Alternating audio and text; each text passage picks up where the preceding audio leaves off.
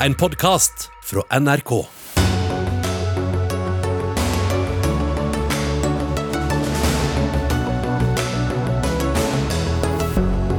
I morgen får Storbritannia sin tredje kvinnelige statsminister. Men velger det konservative partiet rett person til jobben? Kommentatorene er usikre. Legg utredningen om Nord-Norgebanen i en skuff, sier redaktør Snorre Valen.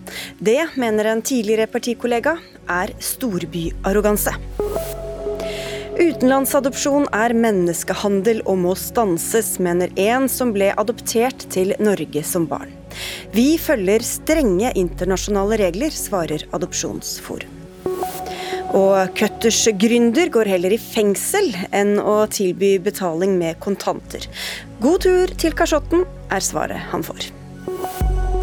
God mandagskveld, dette er Dagsnytt 18, hvor vi også spør hva folk skal gjøre hvis de oppsøker Nav og møter en stengt dør, slik mange gjør. Jeg heter Sigrid Solund. Ja, så er spenningen utløst. Storbritannia får ny statsminister, og det blir ikke uventet utenriksminister Liz Truss. Hun er også da det konservative partiets nye leder. Truss fikk vel 80 000 av stemmene fra partiets medlemmer, mens den andre kandidaten, den nylig avgåtte finansministeren eh, Rishi Sunak, fikk vel 60 000 stemmer. Korrespondent eh, i London utenfor Downing Street nummer 13, Gry Blekastad Almås. Hva sa den påtroppende statsministeren da hun vel takket for tilliten i dag? Utenfor nummer ti, faktisk, 10, ja. hvor Liz Truss da i morgen skal uh, innta kontorene. Og nummer elleve, hvor hun uh, har leilighet, uh, kommer til å flytte inn da, i morgen. Nei, hva sa hun? Hun takket selvfølgelig for tilliten. Og så sa hun at hun skal levere, levere og levere. og det må hun saktens gjøre, fordi det var jo ventet at hun skulle vinne denne posisjonen, men hun vant med mindre margin enn det man kanskje hadde trodd på forhånd ut ifra det meningsmålingene hadde vist. Bare 57 av de, stemme, de, som stemte i det konservative partiet, stemte på henne, så litt over halvparten. Eh, og enda vanskeligere blir det kanskje å overbevise det britiske folk, som i en meningsmåling eh, hos Yougov sier at eh, det bare er 12 da, som sier at de tror hun kommer til å gjøre en god jobb som statsminister, mens 52% tror hun kommer til å gjøre en, en dårlig jobb. Så, så her er det absolutt en jobb å gjøre. Og mye å levere. Ja, hva er det hun sier hun skal levere, egentlig? Hun sier at i løpet av den første uka eh, i jobben, så skal hun eh, komme med en hjelpepakke til folk og bedrifter som nå sliter eh, med de økte regningene, særlig da energiregningene.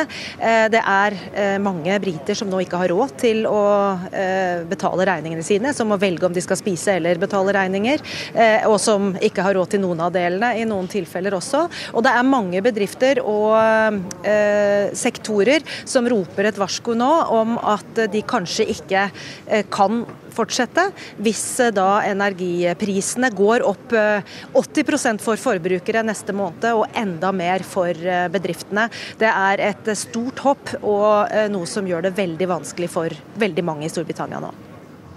Kristine Solli Ektvedt, du har bakgrunn som eh, rådgiver i Underhuset for det konservative partiet i det britiske parlamentet. Det er noen år siden nå, men eh, du følger fortsatt godt med. Hva tror du førte Liz, eh, Liz Truss til topps denne gangen? Eh, jo, eh, Liz Truss eh, vant denne lederkampen fordi hun kom med to enkle, klare budskap. Og det var lavere skatter og mindre byråkrati. Det gjentok hun eh, nesten til det kjedsommelige, men det traff jo rett i hjertet av det som da var målgruppen, og det var jo medlemmer av det konservative partiet. Mm. Um, så det tror jeg er en veldig sånn enkel uh, forklaring på hvorfor hun vant. Uh, Rishi Sunak uh, valgte jo en motsatt strategi. kanskje en mer ærlig strategi, kan man si. og det var at vi kan ikke ha skattelette nå. Vi må først kjøle ned økonomien, få bukt med inflasjonen, og deretter kan vi sette ned skatter. Men den, det fungerte altså ikke. Så da ble det Liz Trussing-Kvista, kommentator i VG, og hun blir sammenlignet med Margaret Thatcher, men hvor like er de sånn politisk sett, vil du si? Ja, Det er ganske interessant eh, spørsmål. fordi at hvis du virkelig bryter ned på den økonomiske politikken, og ikke bare iscenesettelsen av seg selv, som Margaret Thatcher som, som Liz Truss har gjort, så er det jo flere, særlig økonomer da, som, og, og, samfunnsøkonomer, som sier at Liz Truss hun er ikke Thatcher, Liz Truss hun er Edward Heath. altså hun følger en økonomisk modell og, økonomiske sprang som Edward Heath gjorde på begynnelsen av, av 70-tallet. For han, han, svarte jo Uh, prøvde å svare inflasjon og, og, og økte levekostnader med økt statsgjeld og skattekutt. Det gikk jo ikke bra. Han utlyste nyvalg, og det gikk gærent. Mens uh, Margaret Thatcher gjorde det motsatte i 1981 så så jeg jo det samme spøkelset komme. og Hun svarte med et veldig ambisiøst og upopulært budsjett i 1981 med å skru opp, eh, skru opp skattene. Så dette, dette altså denne fremstillinga av, av, Liz Truss med ny Thatcher er egentlig ganske feilaktig når det gjelder de linjene der. Da. Men hun ble altså valgt eh, av medlemmene, Ektvedt. Hvor står det konservative partiet nå i dag? Um, jo, um, jeg vil påstå at eh, det konservative partiet har flyttet seg eh, godt til høyre etter brexit-avstemningen i 2016. Det er jo mange flere i partiet nå som er pro brexit enn den det var den gang da. Og i denne lederkampen så ser man jo at den kandidaten som høyreflanken i partiet valgte å støtte, det var Liz Truss. Det var også den som gikk av med seieren. Eh, sånn at eh, det er jo eh, litt hva skal jeg si, Det er jo litt unikt. Liz Truss var jo liberal democrat når hun var på universitetet. Hun var jo anti-brexit under avstemningen, og nå er hun helt på høyresiden. Har stor støtte der og er en av de som snakker varmest om brexit. Og så er det jo mange som ikke støtter henne. Gry, du var i Nord-England nylig og loddet stemningen der. Hva var de opptatt av? Det, øh, jeg var i noen av øh, de områdene som er aller hardest rammet av øh, ikke bare det som skjer akkurat nå med økte energipriser, men som har vært fattige og nedslitte områder i, i lengre tid. Men som ved forrige valg stemte konservativt for aller første gang. Og det var jo mye pga. brexit og pga. Boris Johnson og, og hans stil, som appellerte til mange der. Nå har de ikke det samme forholdet til Liz Truss, og tilliten til henne henne eh, er eh, ikke som den var til Boris Johnson. Så det er jo spennende å se da, hvordan velgerne der og velgerne mange steder vil eh, slutte opp om Liz Truss ved det neste valget, som er planlagt om, om to år, og senest januar 2025. Fordi Liz Truss er jo nå kun valgt av medlemmene i det konservative partiet. Folket har jo ikke fått valgt henne som statsminister, og det, det får de først sagt sin mening om da ved neste valg. Ja, Kvista, Boris Johnson er jo nå passé på et vis, men hva slags faktor tror du han likevel kan utgjøre både for partiet og for britisk politikk? For det første så vil den bli et uh, lite problem for uh, Liz Truss, fordi at uh, Boris Johnson er Boris Johnson. Han, uh, det er ikke det at han kommer til å legge noen snubletråder for, for Liz Truss, for han tvert imot han har uh, støtta henne. og han har sjøl valgt henne, og han setter også pris på hennes lojalitet ved at hun ikke opponerte mot den.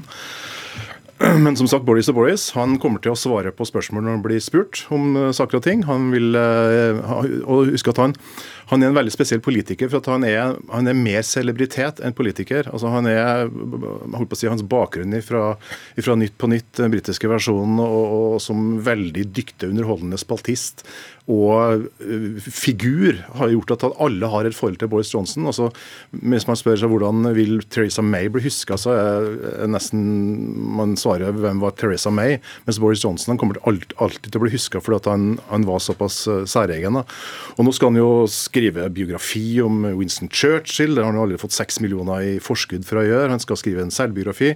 Han skal reise rundt og holde foredrag i, i USA, der han allerede booka, blitt booka til det. og klart der kommer jo pressen til å møte opp og, og stille en spørsmål om uh, saker og ting om hva som skjer i Storbritannia. Han vil svare på det. Og det vil komme retur til Liz Truss, som da må svare for det på sitt vis igjen. Så han, så han er jo en av de tre-fire faktorene som er en av de virkelig store utfordringene for, for Liz Truss framover. Og imens så sitter vel det britiske Arbeiderpartiet nokså stille i båten. Eh, Ektvedt, hvorfor klarer de ikke å utnytte situasjonen bedre oppi den økonomiske situasjonen landet også er i? Ja, det er et veldig godt spørsmål. De ligger jo foran i eh, meningsmålingene nå, men eh, de siste årene, også under Keir Starmer, så så vet man ikke hvilken Vi vet ikke hvor Labour skal. Eh, jeg føler de er ganske usynlige. Eh, og de har ikke klart å utnytte den litt spesielle situasjonen som brexit har skapt, med å splitte det konservative partiet og flere statsministre. Det er jo tredje på eh, fire år. og det er jo helt utrolig at de ikke har klart å bruke det overtaket. Vi må jo se nå, da, for Liz kommer jo inn i denne jobben med en kjempe kjempestor innboks med utfordringer, hvor det er eh, skyhøy inflasjon, og strømprisen er løpsk. Eh, hun har et splittet parti bak seg og et helsevesen med brukket rygg. Det blir, eh, Hvis Labour ikke klarer å nå eh, få mer overtak over de konservative, så tenker jeg at de også må bytte leder, kanskje. Jo, men det var, jo Roy Jenkins, altså Churchill-biografen, som sa det om uh, Tony Blair i sin tid, altså før valget i 1997. At han førte seg som en mann med en veldig kostbar vase over et såpegløtt gulv. Og Det er jo en metafor sant, som sier noen ting om en, en, mann som var livredd for å trå feil. Da leda uh, Labour med 20% på det konservative. Nå leder de med 10, kanskje 11, og det har vært ganske konsistent nå helt siden jul. Uh, så, så Keir Starmer er helt enig. Keir Starmer han sitter litt for stille i båten, også på den måte at uh, partimedlemmer, altså vanlige folk som tradisjonelt har stemt, Labour, lurer på skal ikke han komme på banen snart og komme med noen noe løsninger, komme med noe motsvar til, til, det konservative holder på med. Og Resultatet ser vi nå at blant annet om, altså i slutten på september så skal det være landsmøte i, i, i Labour. Og rent tilfeldigvis så har da den største uh, fagforeninga, Jernbaneforeningen, utlyst streik akkurat den helga det skal være. Så det er jo et signal til, til Labour om at de har ja, begynner å få komme seg på banen. og I morgen får de altså offisielt en ny hovedrival, kan vi vel si. Takk skal dere ha alle tre. Gry Blekastad Almås, Kristina Solli Ektvedt og Yngve Kvita. Takk skal dere ha.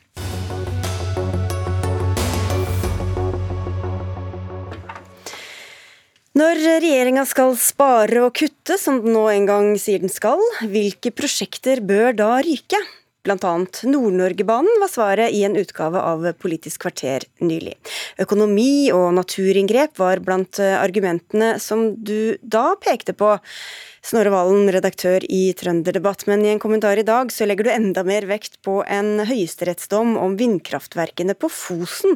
Hva er sammenhengene mellom den og forlengelse av jernbane til Tromsø? Det er ganske enkelt at uh, det går en rød tråd gjennom mye av nyere norsk historie, og det er at storsamfunnet med jevne mellomrom har overkjørt uh, samiske interesser og samiske rettigheter i utbygginga enten i uh, kraftas navn eller miljøets navn eller klimaets navn. Og det tror jeg gjør både miljøsaken og, og det norske samfunnet en stor bjørntjeneste. Nå er det snart ett år siden høyesterettsdommen om, om eh, vindkrafta på Fosen.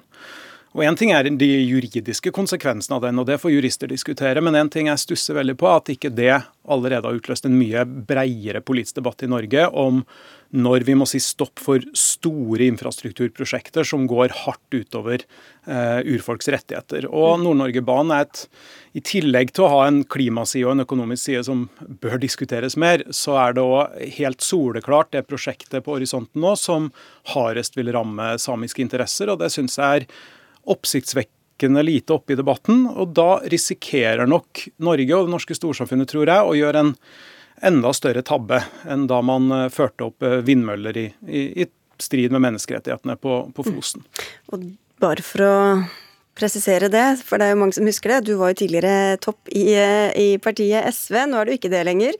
Men du er leder i Nordland SV, Åshild Pettersen. Passelig arrogant var dommen din over Snorre Valens uttalelser i Politisk kvarter om å legge utredningen i en skuff. Hva er det som er så arrogant ved dette? Nei, jeg må jo si at jeg lurte veldig på hva det var slags kunnskapsgrunnlag som Snorre Valen hadde utredet seg fram til helt på egen hånd, siden han ville skrinlegge prosjektet allerede før man hadde fått fakta på bordet. Og så registrerer jeg jo også kronikken i etterkant, og det er klart at, at utfordringen når det gjelder reindrifta og de samiske interessene, er helt klart til stede. Og det har jo nettopp vært SV sitt poeng hele veien. At i planlegginga og bygginga av Nord-Norge-banen, så må de samiske interessene være integrert fra starten av. Denne banen skal ikke bare være banebrytende for samferdsel i nord, men kan også være det for ivaretakelse av samiske interesser. Og etter Fosen-dommen så er det jo helt klart, som Snorre er inne på, at det er nødvendig å se med et kritisk blikk på hvordan staten eh, kjører prosesser som det her. Og jeg mener at Nord-Norge-banen nettopp kan være en mulighet til å finne fram til nye måter å gjøre dette på. Snorre Valen? Ja, altså Når denne utredninga som nå er i gang da, eh, legges fram neste sommer, så får vi jo allerede ganske mye svar. For da vil vi også få svar på i hvor stor grad eh, Sametinget f.eks. har følt seg involvert i utredninga. Eh, dommen etter forrige utredning i 2019 var at de mildt sagt følte seg lite sett. Eh, og jeg klarer ikke, sånn som det ser ut nå, å se for meg noen som helst situasjon der Sametingsrådet vi har nå f.eks. kommer til å gå med på bygging av Nord-Norge-banen. Og Derfor så er det her mer enn et spørsmål om man skal ha med det samiske samfunnet på råd eller ikke. Dette er et spørsmål om ikke dommen i fjor burde markere et politisk tidsskille i Norge der storsamfunnet i større grad enn før tar hensyn til de her interessene før man starter prestisjefylte, svære utbygginger. Hvis man gjør det, da? Hvis man får uh, samene med på prosjektet, hva da? Det er en ren hypotese. altså Ut ifra de signalene både Sametinget har gitt, eh, nåværende sametingspresident Silje Karine Motka har gitt, også før hun ble sametingspresident, så, så, ser jeg på det som svært lite sannsynlig. Men det er jo fortsatt sånn da at eh, den mest sannsynlige traseen for Nord-Norge-banen vil gå gjennom det som vel er ti reinbeitedistrikt. Og når vi i tillegg da tenker over at det finnes ganske mange andre infrastrukturtiltak, ganske mange andre transporttiltak og ganske mange andre klimatiltak man kan gjennomføre i Nord-Norge for ja, anslagsvis 130 milliarder kroner, så vil jeg i hvert fall advare mot å legge altfor mye prestisje i at denne banen skal bygges før utredninga er ferdig, for det kan fort gå utover den samiske minoriteten i Norge, som eh, som eh, jo ofte har skjedd tidligere. Hvorfor er ikke dette, veier ikke dette tyngre, Pettersen, både naturinngrep og urfolks rettigheter? Nei, altså Jernbanedirektoratets utredning fra 2019 som, som Valen henviser til, den ble jo slakta med rette. Den inneholder såpass mange merkelige forutsetninger at konklusjonen i den er totalt verdiløs. Dessuten så må trasévalgene vurderes på nytt, noe som selvsagt vil både påvirke kostnader, men også gi rom for å legge om banen, sånn at man minimerer konflikter med reindrifta. Og I motsetning til vindmøller så kan man i prinsippet plassere en, en jernbane hvor som helst. Men det som òg mangler i den utredninga eh, til Jernbanedirektoratet, som vi må ha med oss. Det, vi snakker her om en landsdel med enorme ressurser og et vekstpotensial inn i det grønne skiftet som vi bare har sett begynnelsen på. Og dermed også et enormt behov for å frakte gods ut av landsdelen. Og det er det eh, verdt uansett hva dette kommer til å koste i en tid hvor vi egentlig skal spare? Men poenget mitt, som jeg ikke fikk lov å komme fram til nå, var nettopp det at vi vet ikke. Altså, Jernbanedirektoratet utreda ikke i 2019 eh, hva vil eh, vi måtte gjøre hvis vi ikke bygger denne banen. Eh, vi vet altså ikke hva som må til av investeringer og utslipp for å imøtekomme det framtidige eh, transportbehovet for landsdelen hvis vi ikke bygger Nord-Norge-banen. Og Det vil garantert måtte bygges både veier. Og veier tar, altså, veier tar mye bedre stripe land enn jernbane. Eh, det kan være mer utfordrende å finne gode traseer som ikke havner i konflikt med, med reinbeitedistrikter. For det er ganske mange av dem i landsdelen vår. Og er det sånn at vi allikevel ender opp med å måtte bygge vei gjennom reinbeiteområder i stedet for jernbane, ja da har vi tapt på alle fronter. Ja, Hvordan er det bedre, Valen? Nei, det er ikke på noen måte bedre. og jeg er og det her har jeg tenkt mye på. Jeg er sterk tilhenger av mer vindkraft på land i Norge. Det er det mange som er veldig uenig i. Jeg er sterk tilhenger av at vi eller ikke tilhenger av, men jeg erkjenner veldig at vi er nødt til å ofre naturverdier for å redde klimaet. Det er det mange som er uenig i. Men jeg hadde trodd at det skulle være et før og etter høyesterettsdommen i fjor. Og Det er fordi det er et ganske knusende nederlag for det norske storsamfunnet eh, at det viser seg nok en gang at hensynet til urfolks menneskerettigheter ikke var godt nok ivaretatt. Og Derfor syns jeg det er ganske urovekkende at ett år før denne utredninga er ferdig og den virkelige debatten setter i gang, så er det ingen tegn til at høyesterettsdommen fra et år tilbake har satt i gang noen nye erkjennelsesprosesser. Tvert imot, den sittende regjeringa de ja, sitter nå og utreder videre da, hva de skal gjøre med de her vindmøllene som går på ugyldige konsesjoner. Og det har ikke vært noe initiativ fra noen av de sterkeste tilhengerne av verken Nord-Norgebanen eller andre prosjekter som truer urfolks interesser, i å se på det på nytt med det nye perspektivet som dommen burde fordre. Og Derfor så håper jeg at vi kan ha denne debatten før utredninga er klar, før den virkelige politiske okay. prestisjen slår inn, og før begeistringa tar helt over. Da skal du få ti sekunder til slutt her, Åshild Pettersen.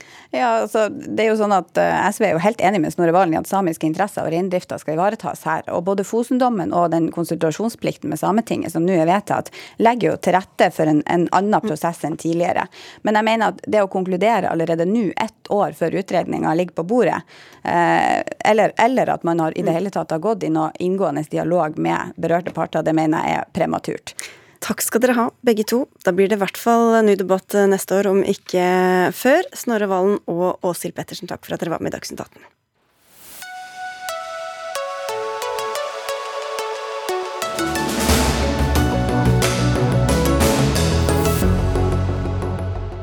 Høres det kjekt ut å slippe å sykle eller gå, eller suse av gårde på en elektrisk moped? I så fall kan du få opptil 25 000 kroner av Enova for å kjøpe en.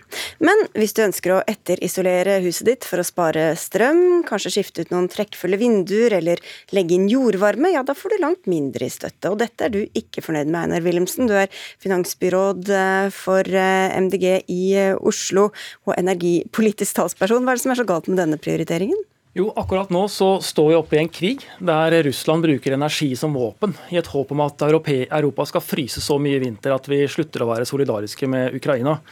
Det koster over fem kroner kilowattimen eh, for strøm. Eh, skal du ta deg en dusj på hytta, så koster det deg en formue, og næringslivet sliter med de høye strømprisene. Det vi trenger nå, det er en skikkelig kjempesatsing på energieffektivisering og på solenergi. Og Det ene redskapet vi har til å gjøre det, det heter Enova. Og Det styres av, eh, av Miljøverndepartementet og Espen Barth Eide. Så Det som må til nå, det er at eh, Espen Barth Eide bør ta opp telefonen, ringe til Enova og si at her kommer det nye styringsinstrukser.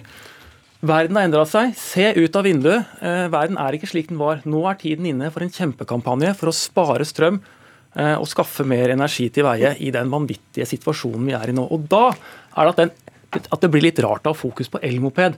Det er sikkert fint med elmoped, men det er ikke det vi trenger nå.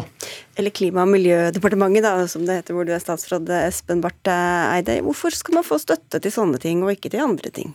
Ja, men Man får jo støtte til veldig mange ting. Jeg føler at uh, Wilhelmsen slår inn en åpen dør. fordi nettopp solceller som han nevner, er jo noe som er kraftig trappet opp. Man får da så mye mer støtte nå til å nettopp installere solceller fra samme Enova enn man gjorde for i fjor f.eks. Så det er en del av den uh, økte satsingen nettopp på energieffektivisering. Akkurat som man kan få penger til smart varmtvannsbereder, smart strømstyring, energirådgivning, solfanger, akkumulatortank.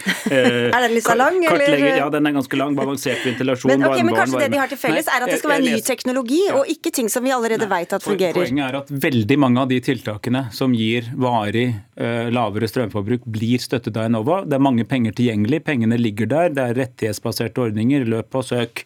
Uh, fordi, uh, fordi er, mange av disse tiltakene er dekket. Og vi har i, bare i år økt støtten til Enova med 750 millioner kroner, fordi det jeg er helt enig i, er at nå er det virkelig tiden for å spare strøm, i tillegg til å bygge strøm. Men så skal skal Enova også gjøre noe annet. Skal også bidra til klimaomstillingen, til å få ny teknologi inn som gjør at vi får ned utslippene på sikt. og Det kan være varebiler og lastebiler, det er omstilling av industrien, det er avkarbonisering, det er hydrogen og ammoniakk. Alt dette støtter Enova. Og så gjør de et bitte lite program på noen få millioner kroner som går til elmoped. Og det finnes altså en del mennesker her i landet som bruker moped, og da bør jo det også få lov å avkarboniseres. De har også rett til å være med i det grønne skiftet. Jeg er faktisk helt uenig i virkelighetsbeskrivelsen. At det er nok støtteordninger, at det er gode støtteordninger. Jeg tror at hvis, miljø, hvis, ministeren tar seg en tur på gata og spør folk hva de syns om at strømprisen er fem kroner, og de syns ordningene hos Enova er gode, så tror jeg han får et rungende nei. Det opplever vi også i Oslo kommune. Vi har vår egen støtteordning for å plastre på en del av de hullene som er i Enovas ordning. F.eks. til isolering av dører og vinduer og, og utvendige vegger i borettslag. Solceller på borettslag, solceller på næringsbygg som ikke dekkes av Enova. Det som trengs nå, det er for det første at Enova skrur opp støtteordningene, sånn at folk får råd til å investere. For akkurat nå blir alt dyrt og renta går opp. Da, ikke, da har man ikke penger til å investere. Og så trenger vi en skikkelig informasjonskampanje retta overfor folk. Når eh, koronapandemien slo innover landet, så var det informasjon absolutt overalt om hva du skulle gjøre. Ha på munnbind, Uh, rense hendene osv. osv. Det er det vi trenger nå. Jeg er faktisk enig i dette med energirådgivning og hjelpe folk til å se hvor du på en relativt enkel måte kan oppgradere f.eks. egen bolig. Det er et veldig viktig tiltak. Til, ja, altså, men, for, ikke, men, fortell bare, hva er egentlig er hva er retningslinjen? Ja, ja, men, altså, men hva er retningslinjene? Det koster jo ikke penger å få råd, i og for seg, så lenge rådgiveren er klok. Det kommer an på hvem man spør, ja, men, jo, men altså, hva, Hvis du spør Enova, så får du råd. Okay. Ja. Men hva skal Enova egentlig bruke penger på? Fordi det er jo ikke sånn at man skal at, altså, Hvis du skal få penger til etterisolering f.eks., så er det ganske strenge krav til hvordan det skal være. Ja. Hvorfor ikke ha en etat som hjelper folk også til å spare strøm eller til, uh, gjøre, komme med tiltak, selv om ikke de har så god råd til å investere i f.eks. etterisolering av hele huset? Ja, men altså, nå har vi kraftig trappet opp støtten til Enova. De har to viktige formål. Det er å få ned klimautslippene, som jeg regner med at Wilhelmsen er enig i at det er viktig. Da må du jobbe på hele økonomien alle steder hvor du kan gjøre det. Og så er det å sørge for at vi kan eh, spare strøm og bruke strøm mer effektivt. Men bare på ny teknologi? Nei, men Enova kan jo ikke gjøre absolutt alt. Altså det, det tror jeg, Selv om du tilførte veldig mye penger, så må man gjøre noen valg på hva som er riktig å bruke statens penger på. Og da er det jo slik at Hovedinnretningen er å introdusere nye praktiske løsninger løsninger, smart strømstyring f.eks., for, for å få dette inn i markedet. og Etter hvert så vil markedet overta selv. For Hvis du bare sender penger inn på noe som folk i stor grad uansett gjør, så blir det ikke mer av det, men prisen går opp. Dette er en økonomisk jernlov, det er beklagelig å måtte si det, men det, da vil det ofte bare føre til at de som i tillegg til å ha god råd selv får Enova-støtte, kjøper seg forbi i køen.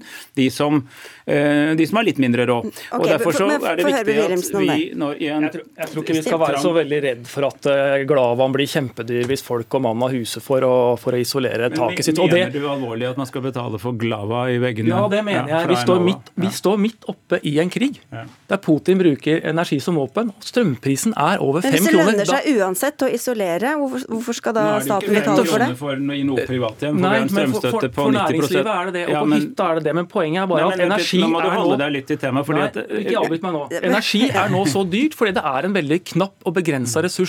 Da må vi gjøre alt vi kan for å stille mer energi til rådighet. Og Det å da sitte og snakke om at vi skal ta inn nye teknologier, det er viktig, men det er ikke viktig nå.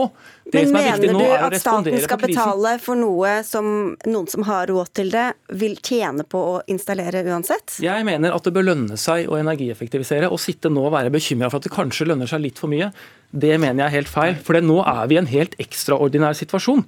Eh, da bør vi, og så er det heller ikke men, det, men jeg skal bare spørre om en ting. fordi du, du, En ting er hva som er Enova-statutter og hva de skal gjøre, men hva med å ha et, et annet uh, statlig opplegg da, til alle de som, ikke, som, som, bare trenger å isolere noen vinduer, f.eks.? Akkurat det gjør vi. med å, Vi har så langt sendt 100 millioner til Husbanken på toppen av det de ellers gjør, for akkurat det. For å oppgradere de boligene hvor det er minst sannsynlig at folk gjør det selv, altså veldig mye kommunale boliger f.eks.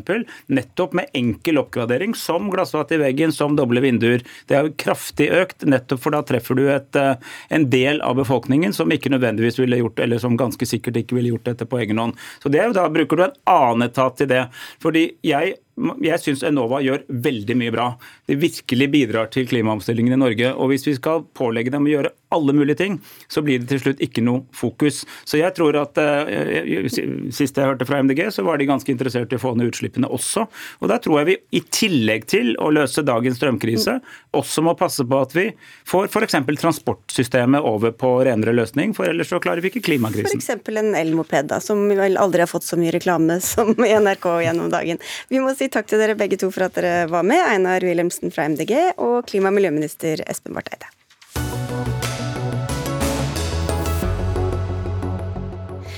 Bør vi gjeninnføre arveavgiften? Det vil i hvert fall AUF, og møter sitt eget moderparti om en snau halvtime her i Dagsnytt 18. Men før det skal vi til noe helt annet, men som også dreier seg om penger. For regjeringen vil gjøre det lettere å straffe bedrifter som ikke tar imot kontanter. Men du sier til E24 at du heller vil gå i fengsel enn å tilby betaling med kontanter. Kristian Hauge Solheim, du er gründer og administrerende direktør i frisørkjeden Cutters. Hvorfor denne motstanden mot mynt og sedler? Nei, altså Nå har vi uh, drevet på i uh, syv år, og um, kundene våre har ikke etterspurt dette her. Så det har egentlig ikke vært en Eh, reell problemstilling hos oss. Um, og det er jo en rekke um, argumenter uh, man kan komme opp med her uh, for å ikke innføre påbud mot kontanter. Men for oss er jo det viktig at man ikke pålegger næringslivet unødvendig byråkrati, som worst case vil gi økte kostnader til kundene, som kundene vil tape på. Så, Men dere ja. har egentlig brutt loven i mange år, dere da? Ja, Det tror jeg kommer an på hvem du spør. Det er jo en lov som er fra det forrige årtusen. Eh, så det er en veldig gammel eh, lov. det gjelder mange lover, det. Ja, og han er, også, han er også veldig utydelig. Eh, og Det er bare til å se på alle jusprofessorene som har debattert dette her de siste årene, og også hva man lærer på jusstudiet. Så Det kommer litt an på hvem du spør, men poenget er at det er noe som kunden ikke vil ha. Og da er det veldig unødvendig å prakke dette på bedriftene. Kim Hamre, du sitter ved siden av i studio i Bergen. Du leder Ja til kontanter, men når var siste du betalte med sedler og mynt? Eh, sist var faktisk i går, eh, når jeg var på tur. Og da gikk det for det meste i kontanter. Sånn som de fleste i gruppen vår Ja til kontanter, så har vokst utrolig mye og har over nå 58 000 medlemmer på Facebook-gruppen Ja til kontanter. Eh, og jeg må bare si det at det er ikke helt sant at det er få som vil ha kontanter. Du ser på en måte her eh, en undersøkelse som Norstat gjorde på vegne av ABC Nyheter, der tre av fem ville fortsatt ha kontanter, så utgjør ca. 60% av eh, de som ble spurt i meningsmålingen. Så det å si at kontanter er noe som ikke ønskes, det blir helt feil. For det er fortsatt mange som ønsker det, og vi ser det på flere og flere meningsmålinger. Du kan også se det på gruppen vår. Det er fortsatt mange som vil ha det. Solheim, grunnen til at ingen eh, spør om å få betale med kontanter hos dere, er vel kanskje at de vet at ikke det ikke er mulig, da?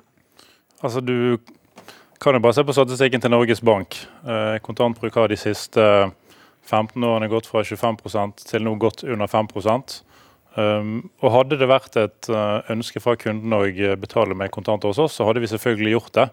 Um, så vi ønsker å tilby en så god kundeopplevelse som mulig. Og kontanter er ikke noe som blir etterspurt. Og Man trenger ikke se lenger enn til Sverige, hvor man har hatt et lovverk som er mer Eh, i tråd med den tiden man lever i. Helt siden 1980 eh, så har man hatt et regelverk som fungerer helt utmerket, hvor det er opp til bedriftene selv eh, å velge om man skal ta imot kontanter eller ikke. Akkurat det samme med Finland, hvor vi også har salonger. Ingen påbud mot kontanter. og Der har man også gått ut og sagt at man forventer et kontantfritt samfunn innen 2030. Så hvorfor er det sånn at vi i Norge skal henge såpass etter på dette området her? Hvorfor kan ikke bedriftene selv få velge hva de vil ta imot og betaling, Hamre? Eh, for å si det sånn, eh, det å ta imot kontanter, det er eh, slått fast i lovverket vårt at man skal kunne gjøre opp med tvungne betalingsmidler, som er nettopp sentralbankpenger, altså kontanter. Og da mener jeg at folk må følge den loven. Vi har fortsatt 600 000 ikke-digitaliserte mennesker i Norge. Skal vi bare skubbe de ut av samfunnet og si at nei, dere, dere er ikke velkommen hit. Eh, selv om dere ikke kan eh, digitalisere dere, eh, så, så, kan dere faktisk ikke komme til oss. Og det er nettopp det Cutters gjør nå. De stenger eldre folk utenfor samfunnet, og de som av en eller annen grunn ønsker å bruke kontanter, eller ikke har digitalisert seg. Og det syns jeg blir veldig dårlig. At man i tillegg til å bryte loven, så skal man stenge de som har vært med på å bygge opp landet vårt, altså de eldre, ute fra samfunnet og bare vende din en kald skulder. Det blir helt feil. For ikke å snakke om de unge, da, som kanskje har spart i månedsvis eller årevis for å komme og klippe håret, Solheim? Vi, vi har veldig mange kunder i denne kundegruppen som nå blir beskrevet. og de har ingen problemer med å betale verken med kort eller VIPS eller via mobilappen. Men hva er det som er så upraktisk? Hvorfor kan dere ikke, så lenge vi opererer både med kort og kontanter, hvorfor kan dere ikke ha kontanter og kort? Hva er problemet egentlig?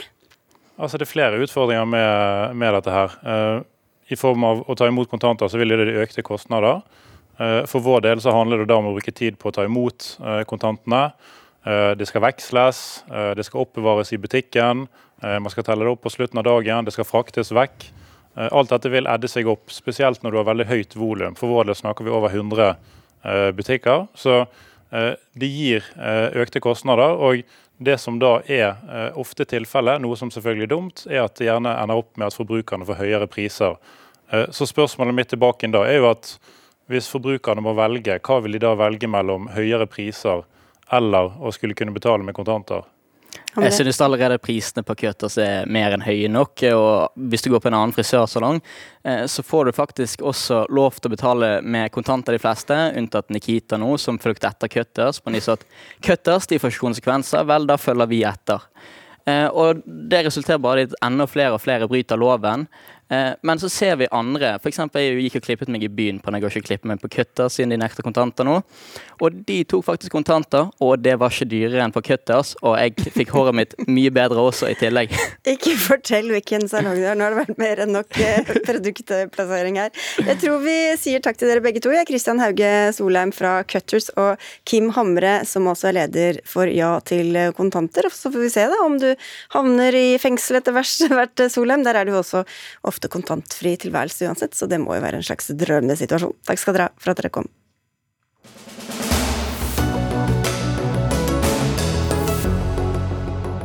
Tenk deg at du trenger hjelp til å kjøpe mat og betale husleie, og du må ha penger nå. Da kan kanskje Nav hjelpe som siste utvei, men da er risikoen stor for at du møter en stengt dør.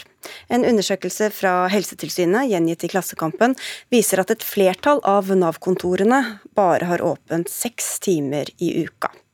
Ragnhild Stenshjemme Støkke, du er leder av Forbrukerrådet Brukerrådet i Helsetilsynet. Ifølge det dere har funnet, hvordan er det for folk å henvende seg til Nav? Ja, det er jo sånn at De digitale løsningene til Nav er jo gode for mange. Vi skal ikke glemme det også. Det er enklere for de å kunne logge seg på når som helst. Men så er det ikke alle som kan benytte seg av disse digitale systemene. Vi har disse sårbare gruppene våre, som bl.a. er minoritetene, eller de som rett og slett ikke klarer å mestre digitale løsninger. Enten pga. at man ikke kan logge seg på bankløsninger med digitale løsninger, eller f.eks. at man ikke klarer å finne fram også i dette store Nav-systemet som er der. Og Hva skjer da hvis de dukker opp på et kontor? Ja, De er jo helt avhengig av å kunne møte opp f.eks. på et kontor. Ofte da så møter de i stengte dører. Og dette er jo personer som har mannet seg opp til å gå til dette kontoret, som skal dele noe av det mest sårbare i deres liv, og som kanskje ikke helt inn, har tatt inn over seg selv eller at man skal gå dette steget, og at det er nødvendig. Og så kommer man der, og så er døra stengt. Da er det mange som ikke møter opp på dag nummer to. Eller at de står i ventekø fordi det er en liten åpningstid, og så får man beskjed i slutten av dagen at man må komme igjen neste dag. Ja, For da kan det være fysisk åpningstid bare i en time om dagen f.eks. på et kontor, eller? Altså, I 11 av disse 70 kontorene som ble undersøkt, så er det ikke åpent for akutthenvendelser i det hele tatt. Og du kan tenke at Denne undersøkelsen er jo gjort i en pandemitid. Og Man kunne jo håpe at dette er pandemistengte kontorer, men dessverre så er det ikke sånn. Eh, vi ser jo at de har strammet inn ytterligere etter at man har åpnet opp igjen etter pandemien på mange kontorer. Hvorfor er det sånn, eh, Nav-direktør Hans Christian Holte? Jeg tenker at her ligger det mye som ikke er godt nok, eh, rett og slett. Og jeg syns, jeg syns det som Støkket påpeker her, det, det, er to forhold som jeg mener er ting som vi bør løse bedre. Det ene er de som har et akutt behov for å komme til et Nav-kontor da, da, skal de ikke møte en stengt dør, og vi må ha løsninger for dette. Så Det er et, eh, en svakhet som denne altså rapporten viser. En egen dør for de som kommer med akutte behov, da? eller? Nei, men at det er, eh, det er en eh, vaktmulighet. Det er mulig å komme i kontakt med kontoret hvis du har et akutt behov for sosialhjelpen. Det er jo en kommunal tjeneste som skal løses gjennom Nav-kontoret, og den, den må være tilgjengelig. Så det er et veldig viktig poeng. Og så tror jeg også det som Støkke er innom her, det det er gode digitale løsninger som veldig mange av oss kan bruke, men de som ikke er digitalt eh, kompetente, eller kanskje ikke har en bank i det f.eks., de må også få løsninger her. Jeg tror det er ganske mange som anser seg som digitalt kompetente og ressurssterke ellers, som også har prøvd å ringe Nav med spørsmål som ikke lar seg løse bare med klipp og lim-svar fra lovverket. Hvordan er det å komme gjennom på telefon og få snakke med noen, egentlig? Dessverre så ser vi at det er ganske lange ventetider. Eh, og så er det jo sånn at På Nav kontaktsenter der sitter det generalister. Og generalistene de er litt gode på mye, men ikke på alt. Og Det gjør at de ofte må sette over til de lokale Nav-kontorene. Og Dessverre så er det jo sånn at de på de lokale Nav-kontorene holder på med noe annet. Sånn at de må ringe opp igjen. Og når de ringer opp igjen, det er rent tilfeldig. Så det vil si at brukerne skal gå og vente på denne telefonen fra Nav. Og når de endelig ringer, så kan du vedde på at de enten står i en situasjon hvor det ikke egner seg å snakke om disse sårbare situasjonene. Hvis man er på en kafé, så har man ikke lyst til å fortelle hvor vanskelig man egentlig har det. Kanskje man har holdt dette skjult for omgivelsene. Det er mye skam bak disse situasjonene. Eller at man faktisk eh, opplever at man ikke er tilgjengelig når telefonen ringer. Og hva skjer da? Jo, da sendes man i samme sløyfa igjen. Fordi da kommer man ikke inn til den lokale kontakten. Og dette medfører at man må dele sin sårbare situasjon flere ganger med Nav kontaktsenter før man kommer gjennom, eller at man kanskje ikke kommer gjennom i det hele tatt. Hva er egentlig føringen og reglene holdt for hva slags hjelp man skal kunne få? Ja, Det er jo sånn at du skal eh, kunne få sosialhjelp når du har behov for det, og det er en kommunens ansvar. Nå tenker jeg på å få slik... kontakt og liksom få snakka med, med, noen som, når, det, når, du har mulighet. Det er jo sånn at eh, særlig for sosialsiden eh, så er det slik at eh, det er mange telefoner som ikke kontaktsenteret kan svare på, som Støkke er inne på, og som da sendes videre til Nav-kontoret. Støkke hadde selv en god idé i en debatt eh, med oss i Arendal nå nylig, hvor hun sa kan det ikke være sånn at vi sender en melding eh, fra Nav-kontoret og sier når vi har tenkt å ringe deg tilbake. Det har vi tatt på alvor, og det er nå sendt ut i hele Nav at det er noe vi ønsker eh, å gjøre. Så her tror jeg det finnes relativt gode grep som vi kan gjøre. Eh, basert på de gode innspillene som vi har fått. Så jeg tenker dette skal vi få bedre til eh, framover. Men det når det tydeligvis er så forskjellige åpningstider også, og kanskje ikke helt lett å vite når man kan komme og få snakket med noen, hva, hva er reglene da fra Nav sentralt for hvor mye man skal ha åpent? Nå er det jo slik at eh, det er variasjoner, som du er inne på. Og det er jo også slik at det er eh, et samarbeid mellom staten og kommunen, alle Nav-kontorene.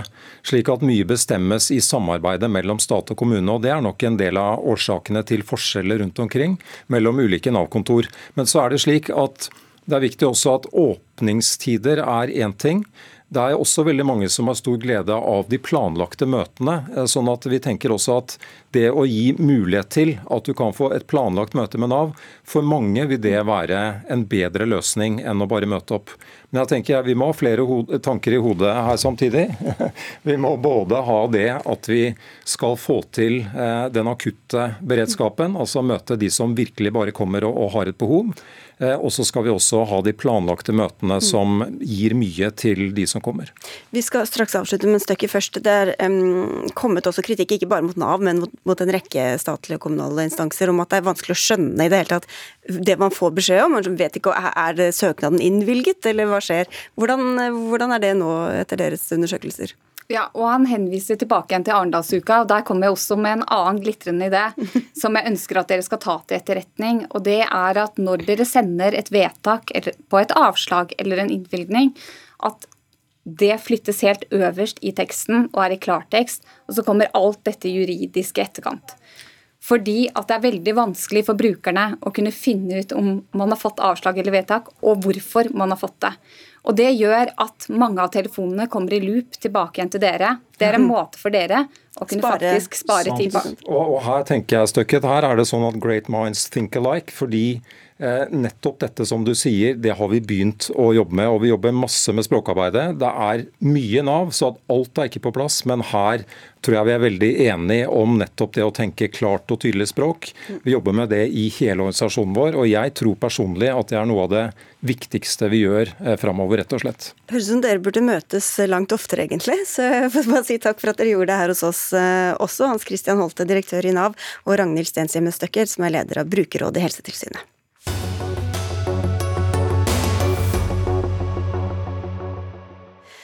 Adopsjon framstilles gjerne som en lykkelig løsning for voksne som ikke får biologiske barn, og for barnet som trenger foreldre. Men i virkeligheten er dette statlig omsorgssvikt og menneskehandel, sier du Priangika Kraggerud, du er selv adoptert, og forteller din historie i dokumentaren Veien hjem på NRK1 i kveld. Men hvis vi snakker litt generelt, dette er jo krasse utsagn, hvordan belegger du det egentlig? På et globalt eh, belegg så har det jo blitt eh, gjort en stor granskningsundersøkelse i Nederland der man har kommet til en konklusjon med at det er menneskehandel satt i et legalt system. Så jeg føler jo at jeg har ganske godt belegg å si det, men eh, vi har jo også gjort undersøkende arbeid og sett at det har vært illegale adopsjoner i de fleste land som Norge har adoptert fra. Ja, men fortell, hva er det som kan skje som, som, kanskje familien som adopterer en gang ikke aner noen ting om, men som gjør at dette er så kritikkverdig som du hevder? Det skal sies at adoptivforeldre er like stort offer som det førsteforeldrene våre, som er biologiske foreldre, fordi de er vår første familie, er. Um, problemet med adopsjonsfeltet i dag er at den er tillitsbasert. Det er på tvers av landegrenser. Og det er retningslinjer som kun regulerer det legale systemet, men det har åpna opp for et eh, kriminelt marked. Men som opererer innenfor det som vi ser på som legalt, altså? Ja. Og så har man jo også en kulturell viss ulik forståelse. Det ser man også i dokumentaren i dag, at uh, min tante regna med at jeg ble adoptert uh, innad i landet, og tenkte at det var en avlastningsløsning, mens jeg blei jo sendt ut av landet, og det var ikke de innforstått med. Så vi må også snakke om den kulturelle forståelsen av en adopsjon. Andrea Bratt Mælum, du er styreleder i Adopsjonsforum. Hva sier du til disse påstandene eller betraktningene? Nei, det er eh, sterke påstander. Og hun trekker jo et likhetstegn mellom menneskehandel og adopsjon, eh, som jeg syns blir helt feil, rett og slett. Eh, adopsjon er jo regulert etter veldig strenge regler. Og det er tre foreninger i Norge. Det er Adopsjonsforum, Verdensbarn og Inneradopt. Og alle disse, disse, foreningene er jo godkjent både i Norge og i utlandet. Altså, jeg stiller meg jo undrende til at man sier at man er sikra i feltet, med tanke på at sånn som Sør-Korea, som er en av de landene man har hatt flest adopsjoner fra, har signert eh, Haagkonvensjonen, men den er ikke trådt i kraft. Og så stiller vi også undrende til at eh, spesielt fire av de fem landene som Adopsjonsforum fører en adopsjon igjen eh, fra nå, er tatt i eh, korrupsjon og menneskehandel av barn der de er sendt til Vesten illegalt. Fordi sånn som jeg forstår det, så, så mistenker du at de um, adopterer til utlandet fordi det er det de tjener mest penger på, mens de egentlig kanskje har andre avtaler eller kunne, kunne også adoptert uh, internt i sitt eget land? Du kan jo egentlig svare på det, styreleder i Adopsjonsforum. Hvor mye tjener egentlig fødelandet på en adopsjon? Nei, altså, vi, vi, altså Foreningene tjener jo ikke noe penger på å gjennomføre en adopsjon.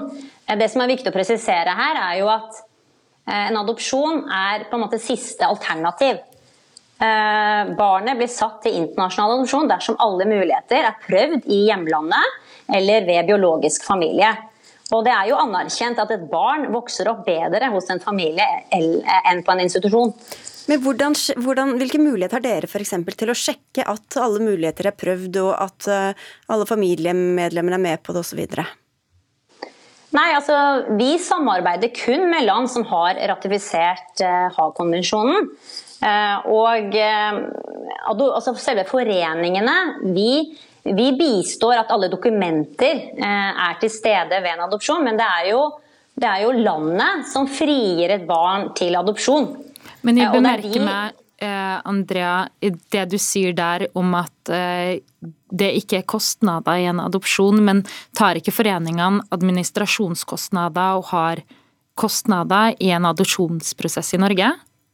Jo, det stemmer. Det er ulike kostnader knyttet til en adopsjon. Men det er jo ikke slik at de landene vi samarbeider med, tjener penger på at vi eh, har en adopsjon til det landet. De kostnadene vi har, er jo konkret knyttet til eh, oversettelse av dokumenter, rettsdokumenter.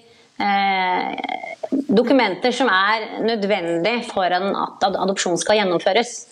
Så de eh, kostnadene som er i en adopsjonsformidling, da, da ender det i Norge? Om vi forstår det riktig? Nei, og det er kostnader i utlandet òg.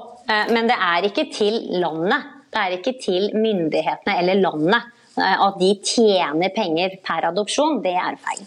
Og Det er der vi ser at det har åpna seg et kriminelt marked, fordi det er så utrolig mye administrasjonskostnader i de landene adopterte hentes til, men det finnes ikke nok eh, kostnader i landet som eh, dekkes. Som gjør at dem som er involvert i adopsjonsmarkedet i fødelandene våre, de trenger også å brødfø sine egne. Og de har potensielt sett en utvei med å starte et kriminelt marked basert på barn som hentes til Vesten. Du kan få kommentere det mellom. Nei, som sagt, jeg, jeg forstår ikke likhetstegnet mellom menneskehandel. For eh, altså, menneskehandel er jo organisert. Okay. Det er et utnyttelsesaspekter, og det er økonomisk vinning. Adopsjon er ingen av delene. Men la oss bare se litt eh, konstruktivt på dette her. Du har snakket om et samtykkedokument, eh, Kragerud. Hva er det, og hva kan det løse? Ifølge Haagkonvensjonen, som er retningslinjene som alle skal ta utgangspunkt i en adopsjonsformidling, så skal man jo ha et samtykke fra biologisk opphav i en adopsjon, og spesielt i en internasjonal adopsjon. Når Mælum sier at eh, førstefamilien sine familiemedlemmer skal forhøre seg med, så skal det i en legal adopsjon følge med dokumentasjon på at man har sjekka med øvrige familiemedlemmer.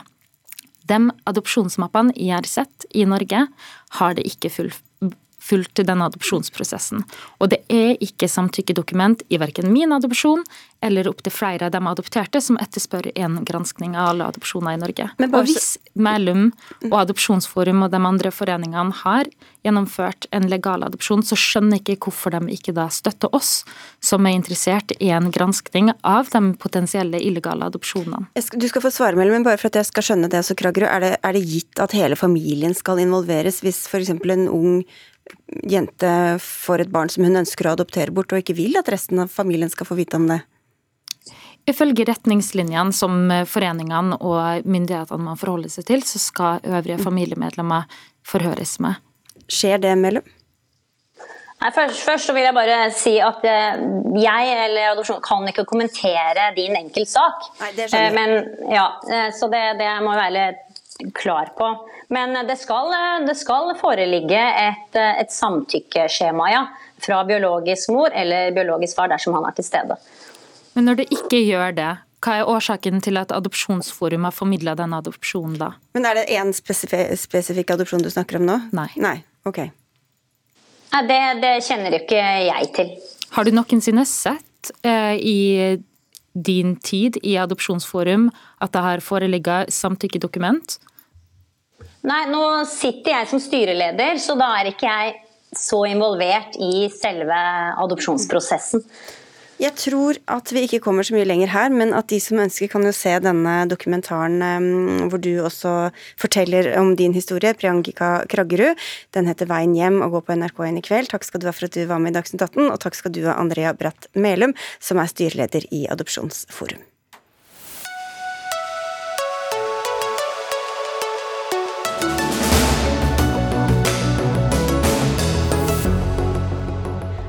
Bør vi gjeninnføre arveavgiften i Norge? Det er vel ikke akkurat noe folkekrav, men dere mener at tiden er inne for å få den tilbake, AUF-leder Astrid Hoem, og hvorfor er det egentlig det? Det er fordi at vi ser at de krevende økonomiske tidene vi står i nå, kan gjøre at forskjellene øker. Vi er nødt til å bruke mindre penger i økonomien. og da er En effektiv måte å få mer penger til velferd er å hente penger ett sted fra økonomien inn. Da mener vi at vi bør gjøre det fra de aller rikeste og de som arver mye, men også de som eier mange boliger og har store formuer. Så det er både for å få mer penger til velferd, men også for å få den omfordelinga vi trenger i skattesystemet, som gjør at vi vet at det er mange som står opp og arver istedenfor å Stå opp og gå på Men man kan vel arve uten å være blant de aller rikeste i Norge? Ja, samtidig så er mange av de aller rikeste har arva formuene sine. Og vi ser jo på lista over Norges aller rikeste at mange er på min alder, rett og slett fordi at det handler om arv, ikke fordi at man har jobba gjennom et langt liv. Frode Jacobsen fra Arbeiderpartiet, du sitter i finanskomiteen på Stortinget. Savner du arveavgiften? Nei, jeg gjør ikke det. Og jeg tror i likhet med deg at det er ikke så mange som gjør det. I hvert fall så mener Arbeiderpartiet at vi Jeg har ikke sagt det. du sa noe lignende til, til Astrid her i innledningen, men uh, samme det. Nei, vi tror at uh, diskusjonen om, om, skattesystemet vårt er viktig. Og skattesystemet har jo to viktige hensyn. Det ene er å finansiere vår felles velferd. Og det andre er også å være omfordelende, som Astrid var inne på. Og da tror vi at Eh, erfaringen med sist vi hadde arveavgift, eh, viser jo at eh, de med de aller største formuene, og de som da arver potensielt eller skal arve mest, de klarer å innordne seg sånn at de slipper unna og slapp unna arveavgiften. Sånn at når vi i Arbeiderpartiet ønsker å øke formuesskatten, så er det fordi vi tror at den er mer effektiv, og det er mer omfordelende og riktigere enn å ha en arveavgift som drar inn litt penger, men som ikke er særlig effektiv. Bare for å høre om dere, kaller det en generasjonsskatt, men det er den gode gamle arveavgiften vi snakker om, eller har dere endra noe på den? Altså, jeg tror godt man kan se på andre innretninger enn sånn som den forrige arveavgiften var, nettopp for å unngå det Frode Jacobsen peker på, både med at folk sniker seg unna, men også for at eh, det blir såpass lavt at man opplever at man ikke kan sitte igjen med huset man har arva av foreldrene sine. Men eh, en generasjonsskatt, altså en ny form for arveavgift, er både omfordelende, og ikke minst det omfordelende for min generasjon, for man ser jo det at de som har arva leiligheter f.eks. her i Oslo, er mer sannsynlig at de kan være i boligmarkedet i ganske mange generasjoner enn dem som aldri kommer seg inn på boligmarkedet. Og vi er jo ett av få land i Europa som ikke har en beskatning på arv. OECD peker jo på at det er en av de mest omfordelede skattene man kan ha. Og vi kan bidra så mye i bunnen som bare det, og det er jeg glad for at vi også gjør gjennom billigere SFO, billigere barnehage osv. Men vi får ikke dratt det skikkelig på de økende forskjellene hvis vi ikke gjør enda mer enn dem på toppen. Der er vi enige om formuesskatt, men jeg mener også at vi må dra til på arveavgifta. Men erfaringene med, med arveavgift viser jo at den ikke slår inn på de med store Men Hvis man gjør litt om på den, da, sånn som HM sier? Jo, men altså, man kan gjøre om på alt. Og jeg er glad for at vi kan diskutere dette. Og det er mange i Arbeiderpartiet som ønsker en uh, skatt på arv. Uh, så den diskusjonen har vi løpende i Arbeiderpartiet. Men når vi har konkludert med det, vi, hvilken politikk vi har nå, så er det jo Nettopp fordi erfaringene fra sist med, med arveavgift viser at den ikke var særlig effektiv. For de som Astrid og jeg ønsker å, å ramme ved at mye mennesker skal betale skatt, det, det, det finner vi med formuesskatt. Det er mye bedre at de som har store formuer, betaler høyere formuesskatt hvert eneste år når de lever, og at ja, de som overtar det Det er ikke enten-eller, mener AUF her, da. Men dere var jo imot det da Frp og Høyre fjerna ordningen. Tok dere feil, da? Hadde de rett?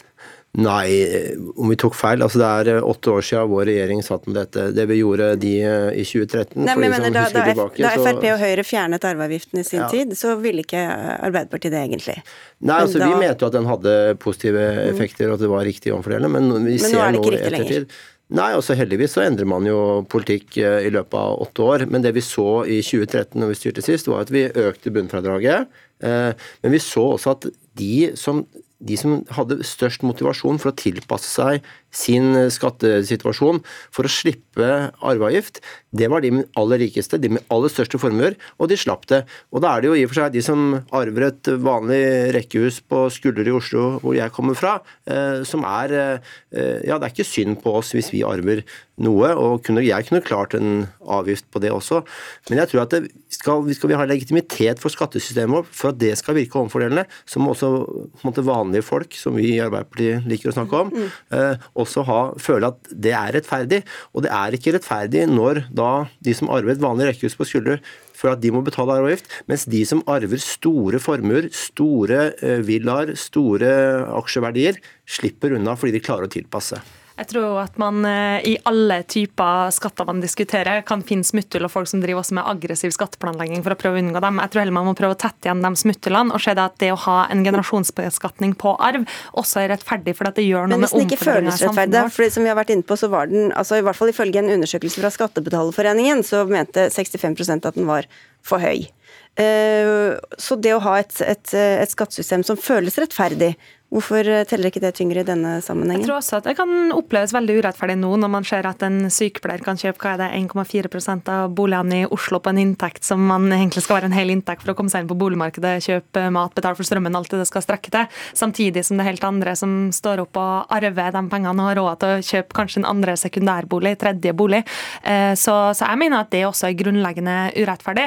Så kan man godt hende at man skal se på endringer fra sånn som arveavgifta var sist, men jeg tror ikke vi skal ta som utgangspunkt at vi ikke skal klare klare å nulle ut de hullene som fantes, men heller se på hva det vi vil med skattesystemet. Det å hente inn penger til velferden vår, det gjør vi gjennom en generasjonsbeskatning. Og det å få en mer omfordelende skattepolitikk. Men så er det andre som syns det er urettferdig at man skal beskatte penger som allerede er blitt skatta av kanskje både én og to og tre ganger? Ja, hvis man skal tilbake til at jeg tror Norge er et av de få landene i Europa som ikke har en beskatning på arv. OECD sier at det er en av de mest omfordelende beskatningene man kan ha. Jeg mener også at det er rettferdig at det skal lønne seg mer å stå opp og bidra til fellesskap hver eneste dag, enn det å stå opp og arve. Nei, jeg er enig i veldig mye av de problemene som, som Astrid beskriver her. Eh, men da må måtte, eh, når vi skal på en måte utforme et skattesystem som er rettferdig, eh, så er jo måla er jo klare. Og målet er Astrid Holm og jeg er enige om. Det er et omfordelende skattesystem som finansierer vår felles velferd. Og det er virkemidlene må vi diskutere. Du har inntektsskatt, du har formuesskatt, du har avgifter, moms osv. Eh, men da, tror vi, da har vi konkludert med nå at eh, arveavgift gir ikke den effekten som vi alle ønsker. Eh, det, no, det hadde gitt noe penger inn, men vi har i år økt skattenivået med 7 milliarder uten å ha arveavgift. Det er fordi okay. vi øker formuesskatten. De som har store formuer betaler mer, de som har høye inntekter betaler mer. Det er rettferdig, og det er omfordelende. Her er det uenigheter internt i Arbeiderpartiet, som du sa, så får vi se hvem som vinner fram til slutt. Takk skal dere ha begge to, Astrid Hoem og Frode Jacobsen. Vi takker for oss Gro Arneberg, Eli Kyrkjebø og Sigrid Solund. I morgen er Espen Aas tilbake.